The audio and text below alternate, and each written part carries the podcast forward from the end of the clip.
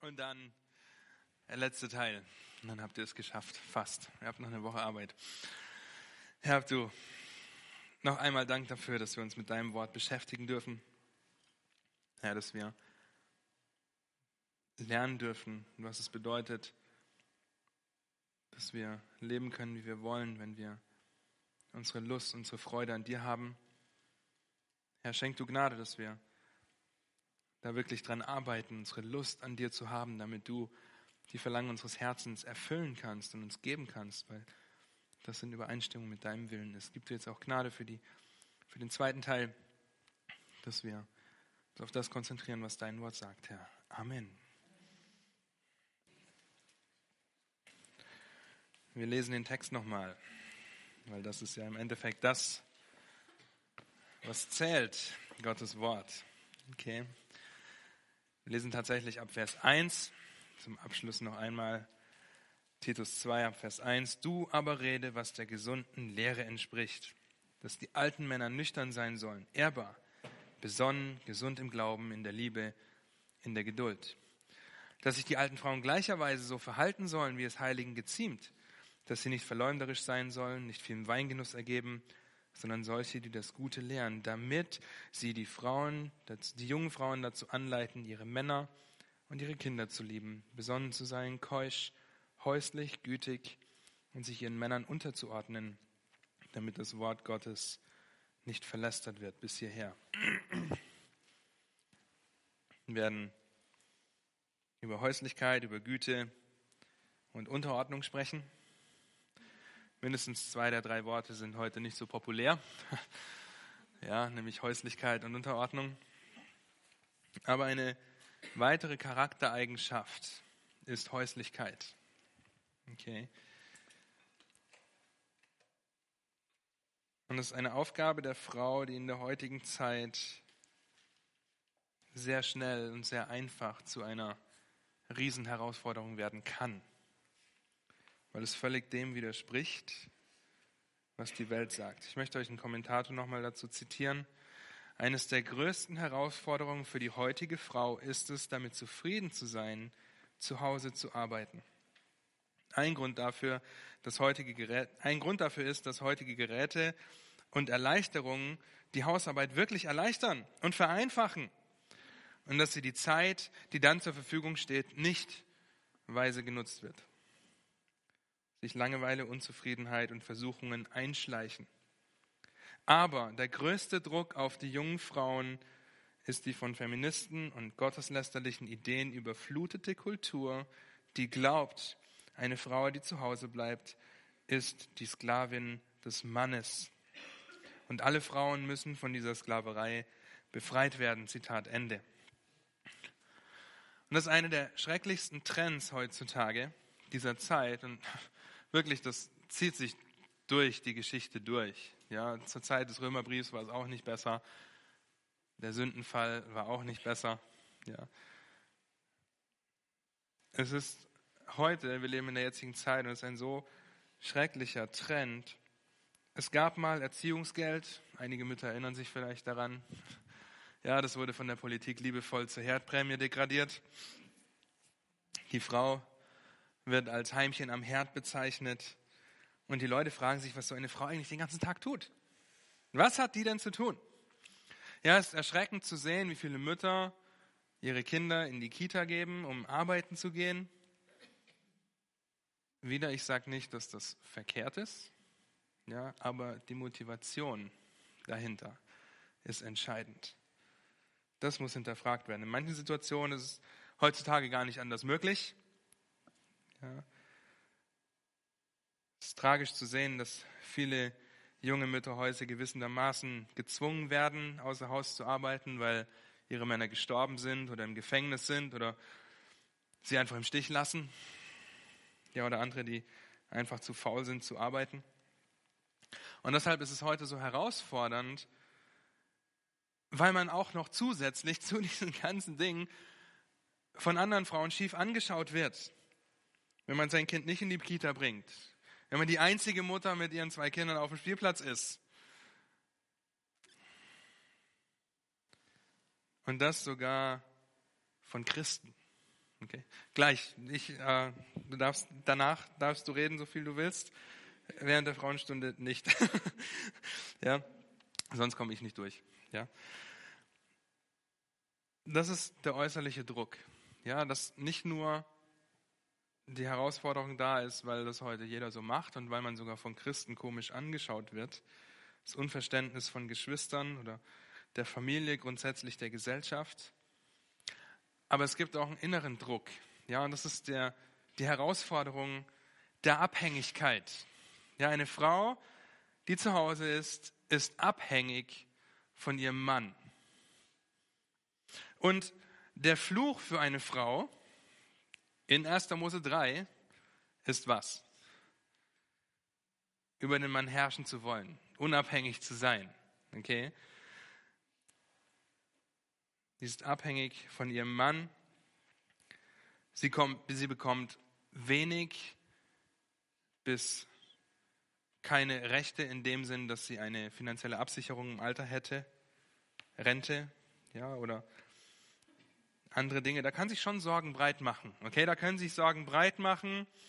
Was ist, wenn man den Job verliert? Was ist, wenn man stirbt? Was ist, wenn ein Arbeitsunfall eintritt oder sonstiges? Ich habe euch vorhin gesagt, dass das, was die Schrift lehrt, nicht meine Ideen sind und dass euch das ein oder andere vielleicht sogar auf äh, die nicht vorhandene Krawatte tritt, ja, auf den Schlips, weil es einer der herausforderndsten Bereiche in der heutigen Gesellschaft ist. Ja, und insofern wollen wir uns diesen Bereich anschauen, weil Paulus ermahnt Titus dazu, dass die alten Frauen die Jüngeren anleiten sollen, häuslich zu sein. Aber was bedeutet es eigentlich, häuslich zu sein. Lasst uns anschauen, was die Bibel dazu sagt und wie sie euch ermutigt, häuslich zu sein. Hier Titus 2, eindeutig steht das Wort häuslich. Es gibt mehrere Worte, die das Zuhause mit einer Frau in Verbindung bringen.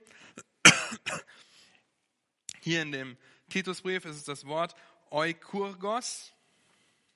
Ja, es setzt sich aus zwei Worten zusammen, ist einmal Eukos, das habt ihr vielleicht schon gehört, dieses Wort, und das andere Wort ist Ergon. Ja, davon haben wir die Ergotherapie heute. Oikos ist das Haus. Oft wird es für einen ganzen Haushalt verwendet, der Sklaven und Mägde, Kinder und Vieh und Verwandte und die Verwaltung des Grundstücks mit einschließt. Und das Wort Ergon bedeutet Arbeit. Das ist die Arbeit. Und es wird an anderen Stellen für einen Bauarbeiter, für einen Feldarbeiter und so weiter genutzt. Und an dieser Stelle wird es für die Frau benutzt. Ja? Der Arbeitsplatz, die Arbeit der Frau ist zu Hause. Und hier unterscheidet sich die Bibel ganz klar von dem, was die Gesellschaft heute sagt. Ja, und ihr, da muss ich euch nicht viel drauf bringen, wie sich die Gesellschaft davon unterscheidet, weil wir das um uns herum überall sehen. Eine Frau, die zu Hause arbeitet, hat alle Hände voll zu tun. Ja?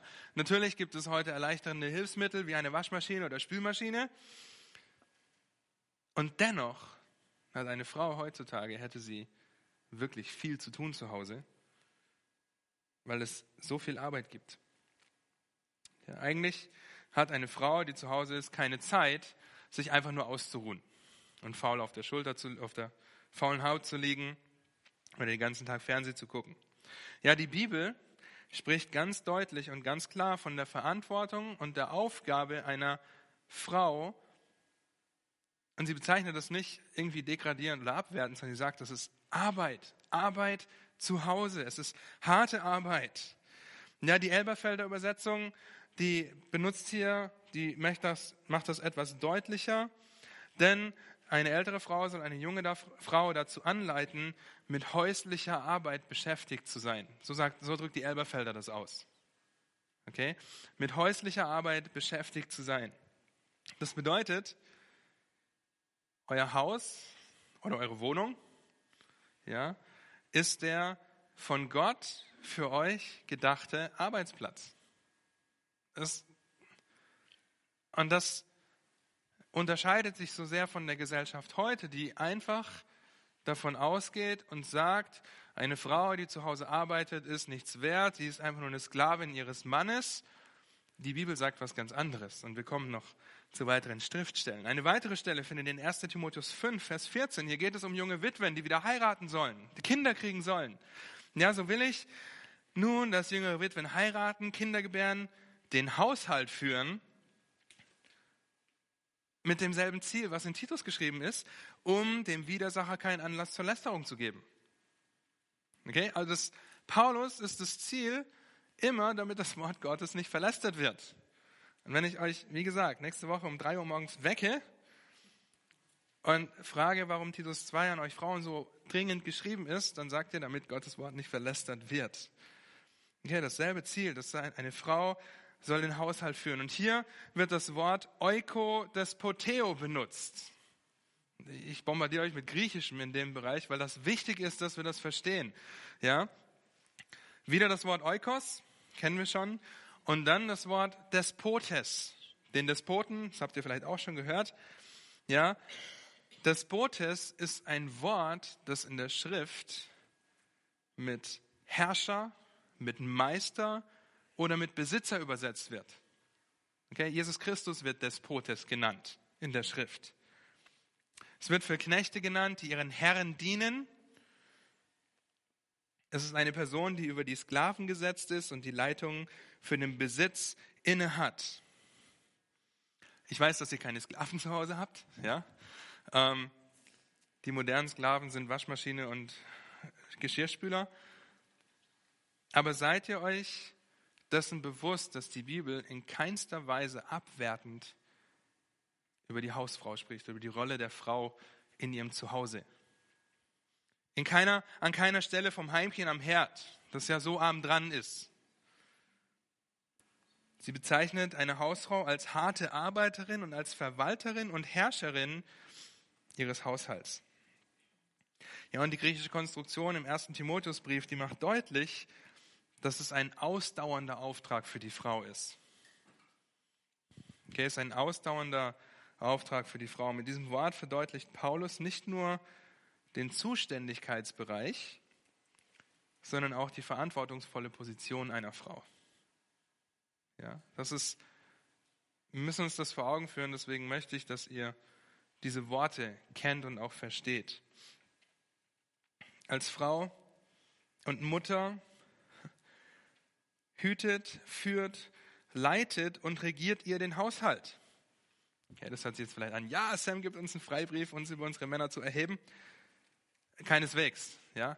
Die Bibel spricht ganz klar davon, dass der Mann die letztendliche Verantwortung dafür trägt. Ja?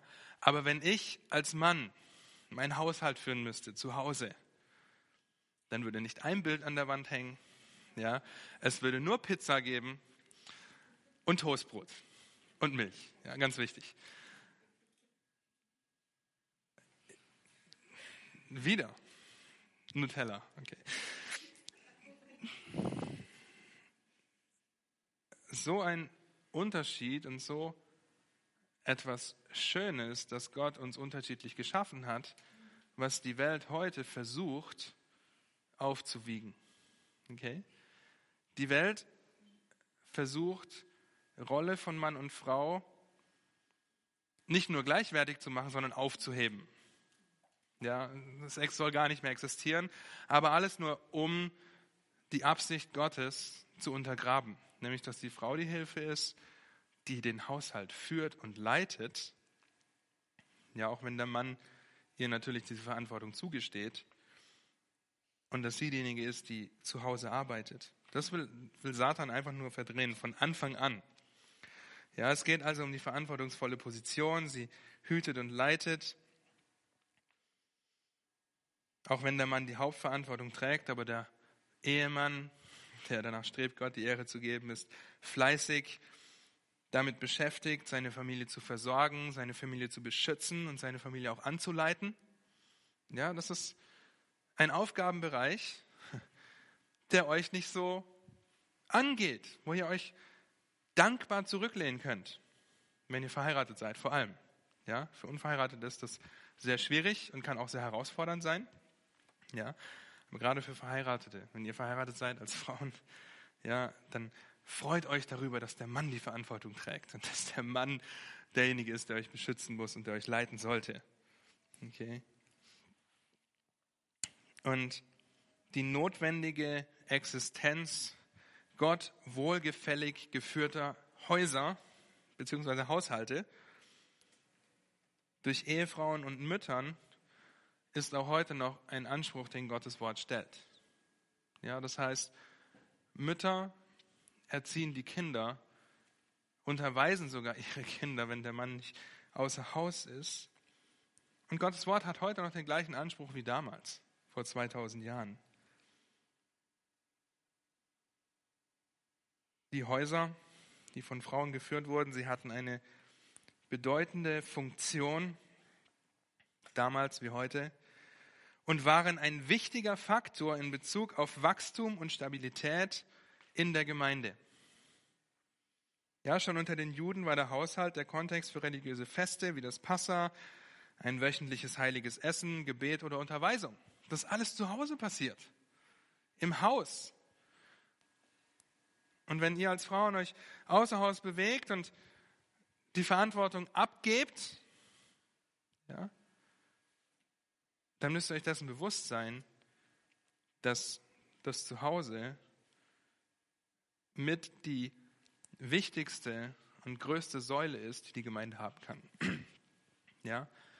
Wenn die Familien kaputt sind, dann wird die Gemeinde nicht funktionieren. Das geht nicht. Die Familie, die Ehe ist die kleinste Einheit in einer Gemeinde.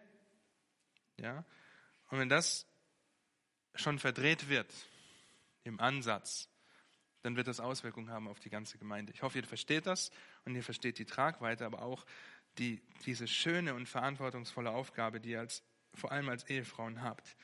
Und natürlich als dritte Stelle darf was nicht fehlen? Sprüche 31. Okay? Äh, es wäre keine Frauenstunde, wenn wir nicht wenigstens einmal zu Sprüche 31 gehen würden. Denn in Sprüche 31 wird der Verantwortungsbereich einer Frau sehr deutlich dargestellt. Okay? Neben dem, dass die Frau nach Sprüche 31 zuverlässig, gütig, gottesfürchtig, sorgfältig, von allen gelobt, nicht ängstlich, fleißig, weise, großzügig, außerordentlich, wertvoll gepriesen und respektvoll ist, lange Liste, ich weiß, ist das Haus ihr Arbeitsplatz. Vers 15. Bevor der Morgen graut, ist sie schon auf, sie gibt Speise aus für ihr Haus und tut was? Legt sich dann wieder ins Bett. Wer hat es aufgeschlagen? Und bestimmt das Tagewerk für ihre Mägde. Sie führt den Haushalt, okay? Sie, sie führt das Zuhause. Vers 21.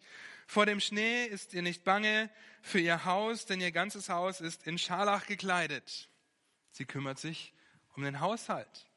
Damals hat es noch größere Auswirkungen und Konsequenzen gehabt, wenn du dein Haus nicht winterfest gemacht hast. Heute machen wir die Heizung an, okay?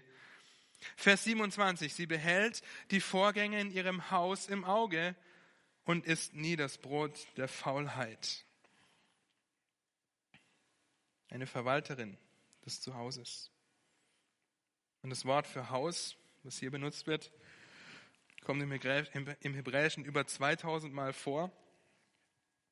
Es wird für sämtliche Gebäude benutzt, ob Tempel oder Gefängnis. Hier ist es der Haushalt. Nicht, dass ihr jetzt denkt, der Haushalt ist ein Gefängnis. Im kulturellen Kontext sieht man sogar, dass das Wort Haus oder Halter, Haushalt in der damaligen Zeit synonym mit der gesamten Familie genannt wurde. Ja, sogar im weitesten Sinne mit der ganzen Nation Israels. Könnt ihr in 2. Mose 16, Vers 31 nachlesen. Das heißt, es war und es ist die höchste und schönste Verantwortung einer Frau, zunächst Kinder zu gebären. Haben wir auch letztes Mal darüber geredet. Nicht jeder Frau ist es vergönnt, Kinder zu gebären, aber jede Frau kann daran arbeiten, Kinder zu lieben. Okay? Ist die Verantwortung, Kinder zu gebären, im Idealfall, sie bis zum heiratsfähigen Alter wie weit war das damals circa? Wie lange? Richtig, circa zwölf. Okay, zwischen zwölf und 16 rum. Zu erziehen, den Haushalt gewissenhaft zu führen und womöglich sogar ihrem Mann auf dem Feld zu helfen. Ja? Was macht die Frau in Sprüche 31? Sie kauft sogar einen Acker. Ja, sie, sie ist beschäftigt, aber es dreht sich alles um ihren Haushalt. Der Mann sorgt im Schweiße seines Angesichts für den Unterhalt der Familie außerhalb des Hauses. In der Zeit sorgt sich die Frau um alle Aufgaben, die im Haushalt anfallen. Dazu gehört die Aufsicht über den Besitz, damals die Sklaven und Mägde, die Küche, so wie sich das, so wie das Kümmern um Kranke, um die eigenen Kinder, um die Eltern, um die Verwandten, die auch noch da waren. Sie sorgt für die Kleidung, die sie selbst hergestellt hat und unterwies ihre Töchter und Söhne, bis sie alt genug waren, um zu heiraten oder dem Vater bei seiner Arbeit zu helfen. Okay? Und den Beruf des Vaters zu erlernen, die Söhne. Ihr Aufgabenbereich war damit super umfangreich. Ja, das, das geht heute unter in der Gesellschaft, in der wir leben. Aber es übersteigt bei weitem die heutige Vorstellung von Haushaltsführung. Ja, eine Frau herrscht über das Haus, das wie so ein kleiner Familienbetrieb war, und sie war die Wirtschafterin. Ja, Betriebswirtschaftslehre ist in einem Haushalt sehr wichtig. Tabea. Meine Lieben, wenn ihr verheiratet seid, dann ist euer Lebensmittelpunkt von Gott erdacht, nicht von mir ausgedacht. Von Gott erdacht ist euer Lebensmittelpunkt euer Zuhause. Okay? Nicht mal die Gemeinde, okay? nicht mal der Arbeitsplatz. Der Lebensmittelpunkt ist biblisch gesehen euer Zuhause.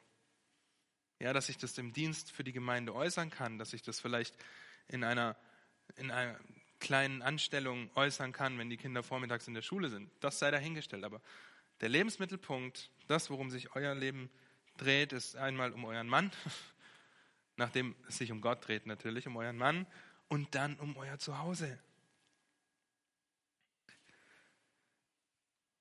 Die Frau in Sprüche 31, sie hatte viele Berufe, hörte gut zu. Sie war Schneiderin, sie war Köchin, sie war Wäscherin, sie war Unternehmerin, sie war Altenpflegerin, Sozialarbeiterin, Lehrerin. Ja, und damit war sie wirklich das Zentrum des kompletten Haushalts. Es hat sich alles um sie gedreht. Ja, unter der Verantwortung des Mannes. Das wird heute alles durch Kitas und Schulen, durch C&A und H&M ersetzt, durch Supermärkte und Pflegeheime. Ich sage jetzt nicht, dass wir back to the roots müssen und ähm, wieder in der Spree unsere Klamotten waschen oder ähm, Schafe auf der Weide haben müssen, um Wolle zu haben für die Klamotten, die wir selber stricken. Sage ich nicht. Ja? Ich möchte euch bewusst machen und nicht nur bewusst machen, ich möchte euch schmackhaft machen, eine Hausfrau zu sein, weil das so was Tolles ist. Okay? Ich möchte es in die richtige Perspektive rücken, warum es was Erstrebenswertes ist, eine Hausfrau zu sein und nicht, wie die Welt heute sagt, ach, pff, Hausfrauen. Okay? Es ist was so Schönes. Ich möchte euch noch kurz eine Stellenbeschreibung für eine Mutter und Haushälterin nach Sprüche 21 vorlesen. Ich habe das schon mal irgendwann vorgelesen in der Predigt, ich weiß es nicht. Wenn Sie sich bewerben wollen bei uns, hier sind Ihre Aufgaben. Verwaltung und Organisation sämtlicher Familientermine. Eigenständige Weiterentwicklung der Arbeitsabläufe in Unternehmensbereichen Haushalt und Kinderversorgung. Personalverantwortung für minderjährige Kollegen.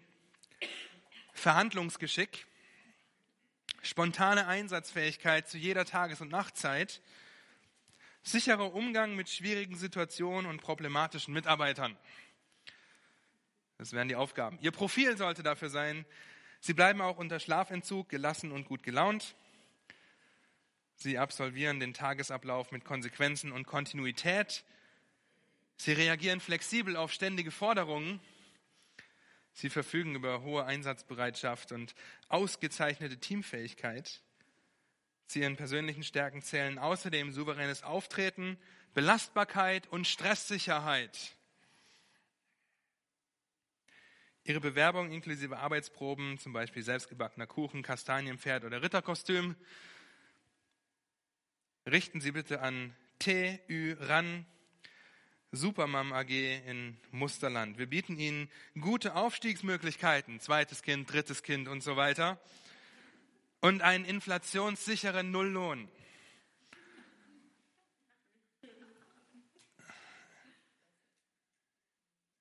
Ihr Lieben, das ist aus einem weltlichen Buch. Ja, ein weltlich gesehen ist das ein inflationssicherer Nulllohn.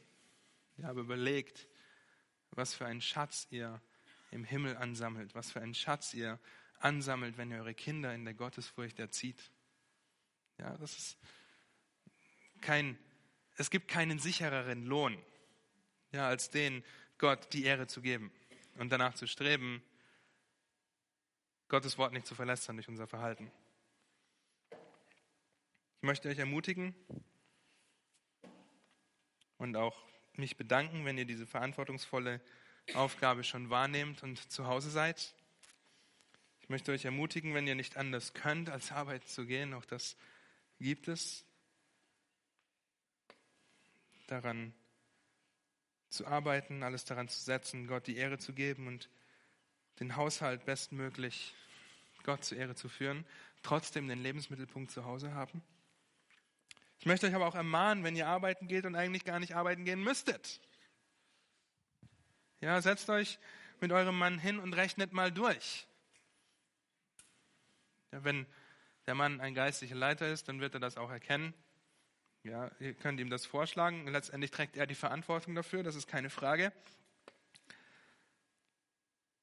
Ich möchte euch ermutigen und ermahnen, das einmal durchzurechnen, ob ihr Kinder habt oder nicht.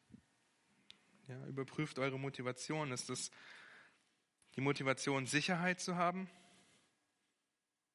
Oder weil ihr Menschenfurcht habt, weil ihr denkt, was denken denn die anderen von mir, wenn ich jetzt zu Hause bleibe oder meinen Job kündige? Oder Stolz, weil ihr euch zu schade seid, euch um euren Haushalt zu kümmern? Wir lieben die Gemeinde, ja, unsere Gemeinde, jede Gemeinde steht und fällt mit den Müttern, die zu Hause sind. Ja, beziehungsweise steht mit den Müttern, die zu Hause sind. Sie fällt mit denen, die aus der falschen Motivation nicht zu Hause sind. Und als Mütter könnt ihr der Gemeinde dienen in eurem Haus. Okay?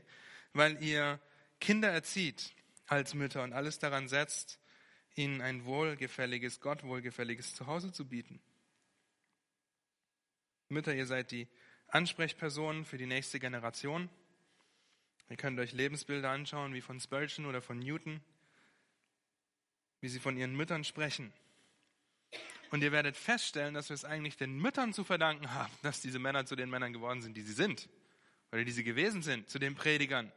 Ja, es ist also eine Freude, eine hohe Verantwortung, die es mit sich bringt, eine Hausfrau zu sein. Es ist ein Privileg, das die Schrift sehr hoch hebt und nirgendwo abwertet. Sie fordert sogar dazu auf, häuslich zu sein. Erkenne das. Das ist auch ein Schutz für euch als Frauen, nicht in einer von Männern dominierten Arbeitswelt sein zu müssen, ja, in der ihr den perversen Gedanken und Worten und Taten von Männern ausgesetzt seid. Ist ein Schutz für eure Ehen, wenn ihr nur daran arbeiten müsst, euch einem Mann unterzuordnen und nicht noch eurem Vorgesetzten und dem Chef und so weiter und dann den Vergleich vielleicht auch habt. Erkennt das bitte und prüft eure Motivation. Ja? Prüft das, warum ihr arbeiten geht oder warum ihr zu Hause seid. Es geht immer um das Herz. Und noch eine Sache, wenn dein Mann, weil du zu Hause bist, dir im Haushalt nicht hilft, dann ist das sehr schade, aber nicht verkehrt. Okay, erinnere dich daran, dass deine Aufgabe als Frau in deinem Zuhause nicht von dem Verhalten deines Ehemannes abhängt. Ja? Wenn ihr wollt, und einige haben das schon gelesen, die Masterarbeit, die ist auch im Dokumenteordner mit drin. Punkt 4 und 5 geht wirklich hauptsächlich um den Punkt, um den Gedanken der Häuslichkeit und des Zuhause-Seins. Also männerliebend, kinderliebend, besonnen, keusch, häuslich. Und als nächstes gehört die Güte dazu. Da werden wir uns nicht so lange aufhalten. Agathos, das griechische Wort. Sie soll gütig sein. Gütig, freigebig, gut, freundlich. Ja, sie strebt danach, ihr ganzes Leben lang gütig zu sein mit ihrem Mann, ihren Kindern, ihrem Nächsten. Oh, wenn das so einfach wäre. Was für eine Aufgabe, an der ihr euer ganzes Leben lang arbeiten werdet. Ja, gebt euch nicht der Illusion hin, dass ihr irgendwann Güte gelernt habt. Güte ist das Gegenteil von Ungeduld, Zorn oder Lieblosigkeit. Das heißt, wenn dein Mann oder deine WG-Kolleginnen nach Hause kommen, begegnet ihnen eine freundliche, gut gelaunte Frau, die sich zur Aufgabe gemacht hat, Gutes zu tun. Ist das so, wenn dein Mann nach Hause kommt? Ja, dass ihm eine fröhliche, eine gut gelaunte Frau entgegentritt. Sprüche 31, Vers 12.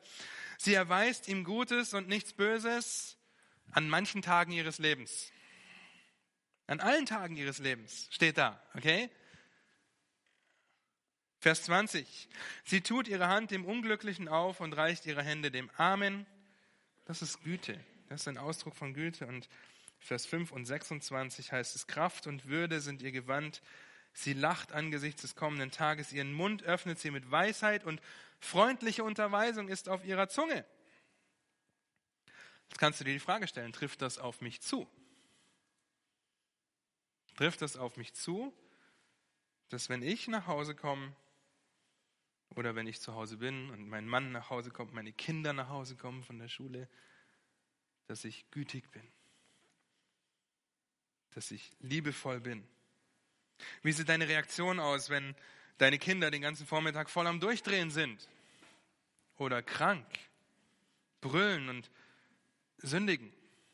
Ja, wenn ihr Kinder habt, die nicht sündigen, dann dürft ihr gern zu mir kommen und mir helfen, mit meinen Kindern klarzukommen.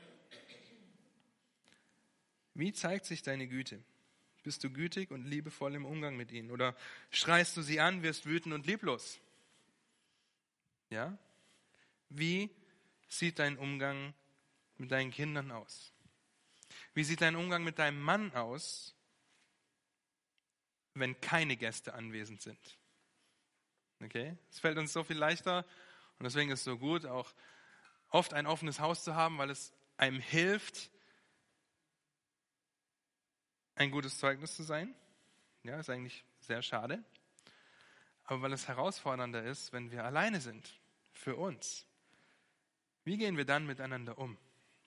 Ja, und wenn ich manche Ehepaare, teilweise auch in der Gemeinde, betrachte und beobachte, wie sich in der Öffentlichkeit, wie sie schlecht übereinander reden, wie sie miteinander umgehen, dann will ich gar nicht wissen, wie es zu Hause aussieht. Okay? Weil die Öffentlichkeit nochmal einen gewissen Schutz davor bietet, sich wirklich so zu verhalten, wie man ist oder wie man gerne möchte. Ja, also wie drückt sich deine Güte aus, wenn keine Gäste da sind? Oder wie drückt sich die Güte durch deine Worte aus? Freundliches Reden. Freundliche Reden sind wie Honigseim, trösten die Seele und erfrischen die Gebeine, Sprüche 16, Vers 24. Denke daran, was du sagst und wie du es sagst. Wir haben es letzte Woche schon angeschaut. Kein schlechtes Wort soll aus eurem Mund kommen, sondern was Gutes zur Erbauung, wo es nötig ist, damit es dem Hörern Gnade bringe. Epheser 4. Stell dir dieselben Fragen in Bezug auf deine gütigen Worte. Sind es schlechte Worte? Sind es zur Erbauung und nötige Worte? Damit beispielsweise meine Kinder dadurch in den Genuss der Gnade Gottes kommen. Und der Genuss der Gnade Gottes drückt sich auch in der Erziehung deiner Kinder aus.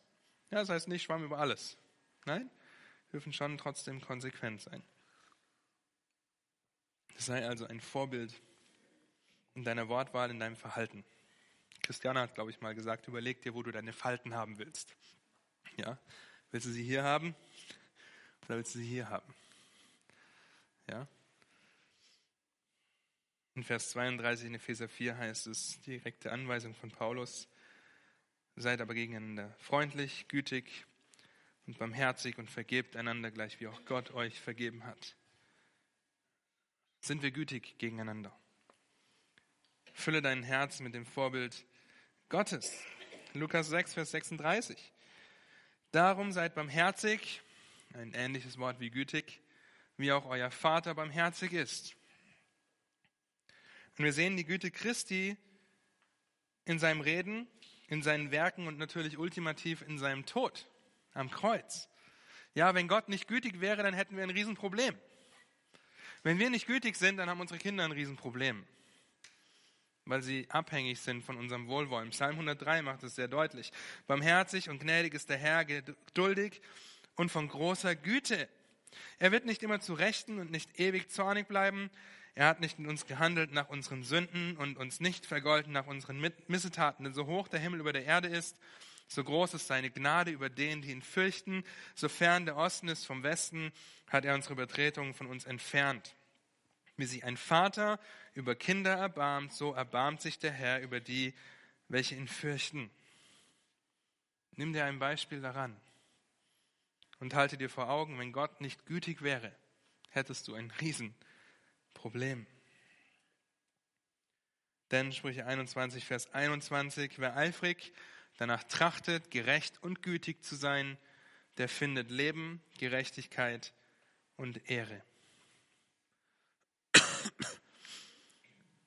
Arbeite daran, gütig zu sein. Freundliche Worte, fröhliches Verhalten. Ja, ich weiß, dass das nicht immer möglich ist, weil wir auch uns in Situationen und Umständen befinden können, die uns sehr niederschlagen und sehr traurig machen. Aber ihr Lieben, das hebt die Güte Gottes nicht auf und das sollte unsere Güte nicht aufheben. Ja, und lasst uns die letzten paar Minuten noch zu der letzten Charaktereigenschaft kommen. Vers 5. Bringe ihnen bei, dass die jüngeren Frauen dazu, oder dass die alten Frauen Lehrerinnen des Guten sind, damit sie die jungen Frauen dazu anleiten, sich ihren Männern unterzuordnen. Vers 5. Unterordnung. Sie ordnet sich ihrem eigenen Mann unter. Und noch einmal, vergesst das Ziel nicht dahinter. Vergesst nicht, dass Wachstum in allen Charaktereigenschaften zusammengenommen Gottes Wort nicht verlästert. Ja, das sollte unsere Motivation hinter dem Ganzen sein. Gottes Wort nicht zu verlästern, das Evangelium klar zu verkündigen.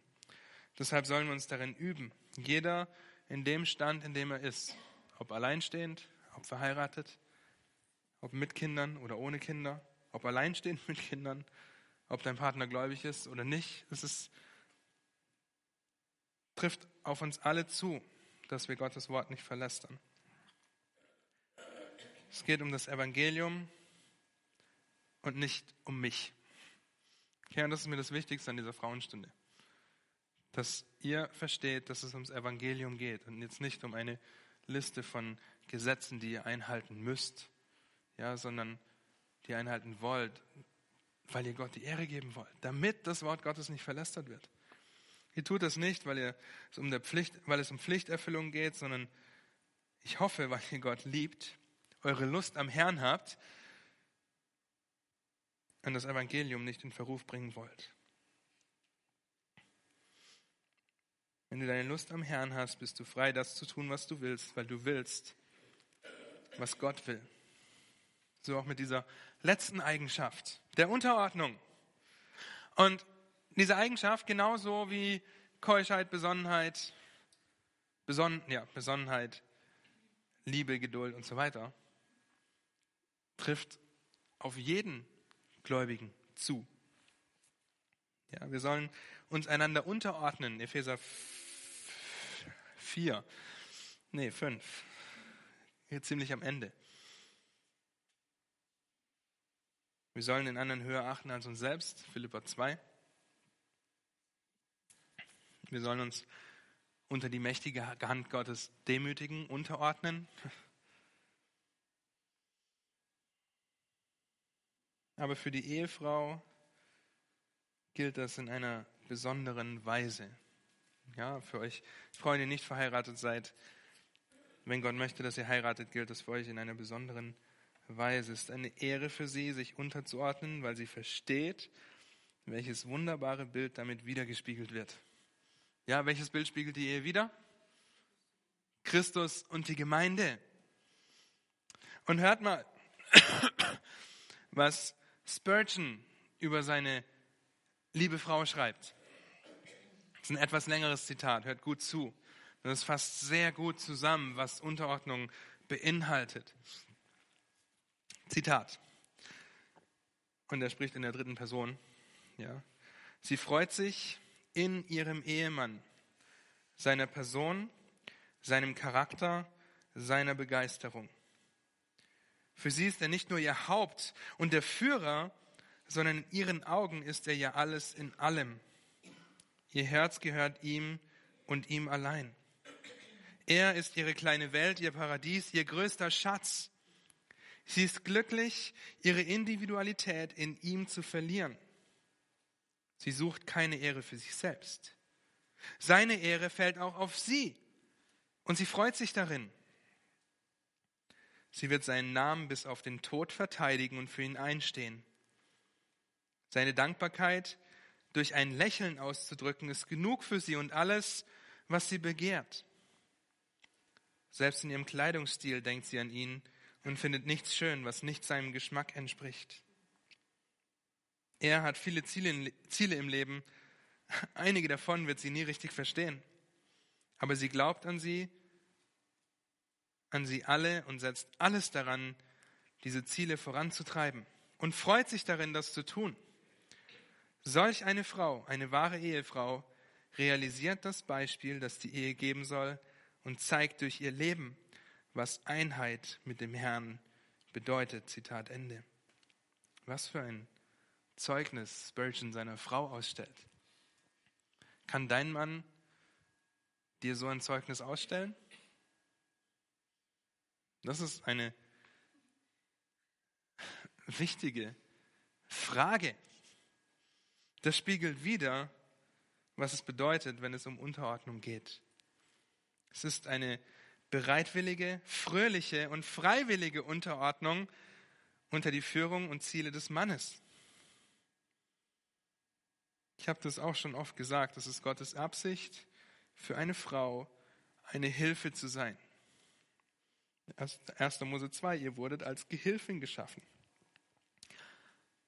Und wenn ihr Epheser 5 lest, wo es ganz besonders um Unterordnung geht, werdet ihr an keiner Stelle in diesem Text lesen, dass es darauf ankommt, wie euer Mann sich verhält oder was für Ziel euer Mann hat. Ich könnte mich meinem Mann ja unterordnen, wenn er meine Ziele hätte.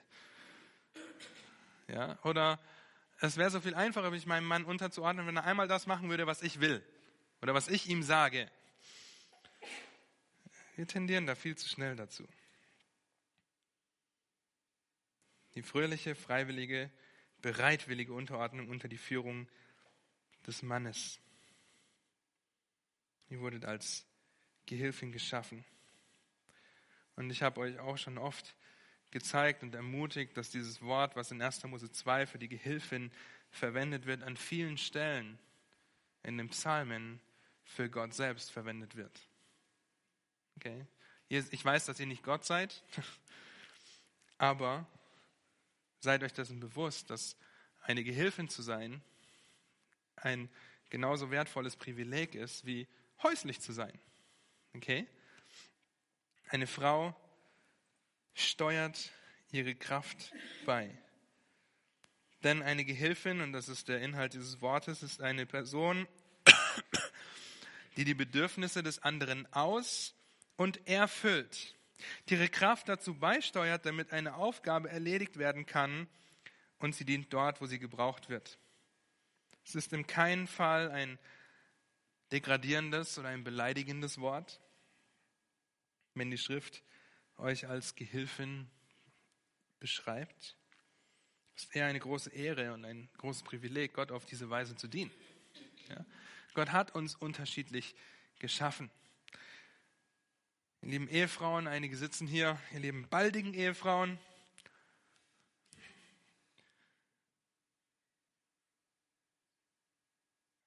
Gottes weisen und seinen gut durchdachten Plan für die Rolle von Mann und Frau in einer Ehe zu akzeptieren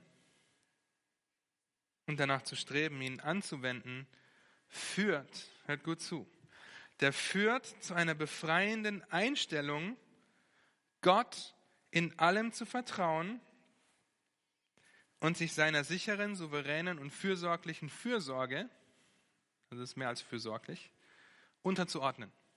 Was bedeutet dass ich mich auch meinem Ehemann unterordne, weil das Gottes fürsorgliche Fürsorge für mein Leben ist, der mich als Gehilfin geschaffen hat. Wenn du nicht verheiratet bist, kannst du das üben,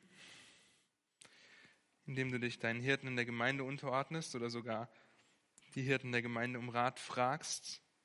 Wenn du noch zu Hause bist, kannst du es üben, dich deinem Vater zu, unterzuordnen. Ja, weil wir sollen ja Vater und Mutter ehren. Ja, und sie respektieren. Es gibt Möglichkeiten. Ja, aber vergesst zum einen nicht, dass Paulus hier nicht sagt, ihr Frauen ordnet euch jedem Mann unter, ja, sondern euren eigenen Männern. Und dass er auf der anderen Seite ganz besonders herausstellt, nicht nur in Titus 2, sondern im Epheserbrief und Gott schon vorher auch in 1. Mose herausstellt, dass ihr als Frauen in einer ganz besonderen Art und Weise geschaffen wurdet, weil ihr als Gehilfin geschaffen wurdet und nicht als Haupt. Es ist die Grundeinstellung des Herzens, sich dem Ehemann oder einer Autorität unterzuordnen. Und ganz wichtig, es hängt nicht vom Verhalten des anderen ab. Ja, wenn ich hier eine Männerstunde machen würde, würde ich auch zu Epheser 5 gehen. Da heißt es, liebt eure Frauen, gebt euch hin, wie Christus sich für die Gemeinde hingegeben hat. Steht auch nirgendwo, wenn deine Frau, Punkt, Punkt, Punkt. Ja, ohne Bedingung. Ohne Bedingung und es ist etwas Befreiendes und es fällt euch natürlich, es kann euch sehr viel leichter fallen, wenn ihr einen geistlichen Leiter zu Hause habt, der den Herrn liebt und der daran setzt, ein gutes Haupt zu sein. Ja, dann lerne dich unterzuordnen. Aber wenn du einen Mann hast, der gar nicht gläubig ist oder der kein guter geistlicher Leiter ist, dann lerne dich unterzuordnen. Ja, die, die gleiche Anwendung, weil es nicht davon abhängt, wie euer Mann sich verhält, dass ihr euch ihm unterordnet, dass ihr euch in seinen Zielen verliert, auch wenn ihr die Ziele manchmal absolut dämlich findet. Okay? Und in euren Augen absolut unbesonnen. Ja? ja, der Mann trifft die Entscheidung und ein Mann trifft auch Entscheidungen in eurem Sinne, überlegt sich Möglichkeiten, wie er euch auch dadurch seine Liebe zum Ausdruck bringen kann, aber manipuliert und nörgelt nicht so lange rum, bis er so entscheidet, wie ihr wollt. Okay? Und das können Frauen sehr gut. Das kann meine zweijährige Tochter schon sehr gut. Okay? So lange zu manipulieren und zu versuchen, ihren Willen zu bekommen. Das kann jeder Sünder sehr gut. Ja, aber denkt an den Fluch über die Frau, die begehren wird, über den Mann zu herrschen. Ja, denkt daran, dass die Rollenverteilung von Mann und Frau als Haupt und Hilfe nicht eine Folge des Sündenfalls ist. Sehr wichtig. Ja, vor dem Sündenfall war der Mann das Haupt und die Frau war die Hilfe. Dann kam der Sündenfall und nach dem Sündenfall ist der Mann das Haupt und die Frau die Hilfe. Nur dass die Frau nicht mehr die Hilfe sein will und der Mann nicht mehr das Haupt sein will, weil das alles verdreht wird. Okay? Männer neigen dazu, faul zu sein, keine Entscheidung treffen zu wollen. Und Frauen neigen dazu, okay, wir müssen doch jetzt endlich mal vorangehen. Wir müssen doch mal eine Entscheidung treffen und wir müssen doch jetzt endlich, mach doch mal was. Ja? Und deshalb ist es umso wichtiger, dass wir Gottes Wort lieben und dass wir Gottes Wort kennen, um uns dementsprechend zu verhalten, dass Gottes Wort nicht verlästert wird. Damit sind wir am Ende. Ja? Es war mir wirklich eine Ehre und eine Freude, diese Stelle gemeinsam mit euch auszulegen und nochmal daran erinnert zu werden, auch welche Eigenschaften auf mich zutreffen. Ich hoffe, ihr seid ermutigt durch die Zeiten, die wir am Samstag haben, aber noch mehr auch durch den Austausch, den ihr unter der Woche habt. Ich bin sehr ermutigt davon, kann ich euch sagen, euren Fleiß darin zu sehen. Ich hoffe auch, dass ihr ermahnt seid und danach strebt, würdig eurer Berufung zu wandeln, mit der ihr berufen worden seid. Wozu? Sehr gut, damit das Wort Gottes nicht verlästert, sondern verkündet wird. Lass mich noch beten und dann haben wir das geschafft. Treuer Gott und Vater, habt du Dank, dass du uns als Mann und Frau geschaffen hast, dass du Titus diesen Auftrag gegeben hast, auch die alten Frauen zu belehren, dass wir anhand deines Wortes Prinzipien haben dürfen, Anweisungen finden, wie wir einander helfen können, dir die Ehre zu geben, damit dein Wort nicht verlastet wird. Ich bete, dass du ja, die Frauen ermutigst, dass du sie ermahnst, aber auch überführst, wo sie nicht dementsprechend leben, was dein Wort sagt, wo sie ja dadurch auch dein Wort verlästern, ob es Keuschheit ist, ob es männerliebend oder kinderliebend zu sein, Unterordnung, Häuslichkeit, Güte oder Besonnenheit ist, Herr, du kennst und siehst das Herz jedes Einzelnen.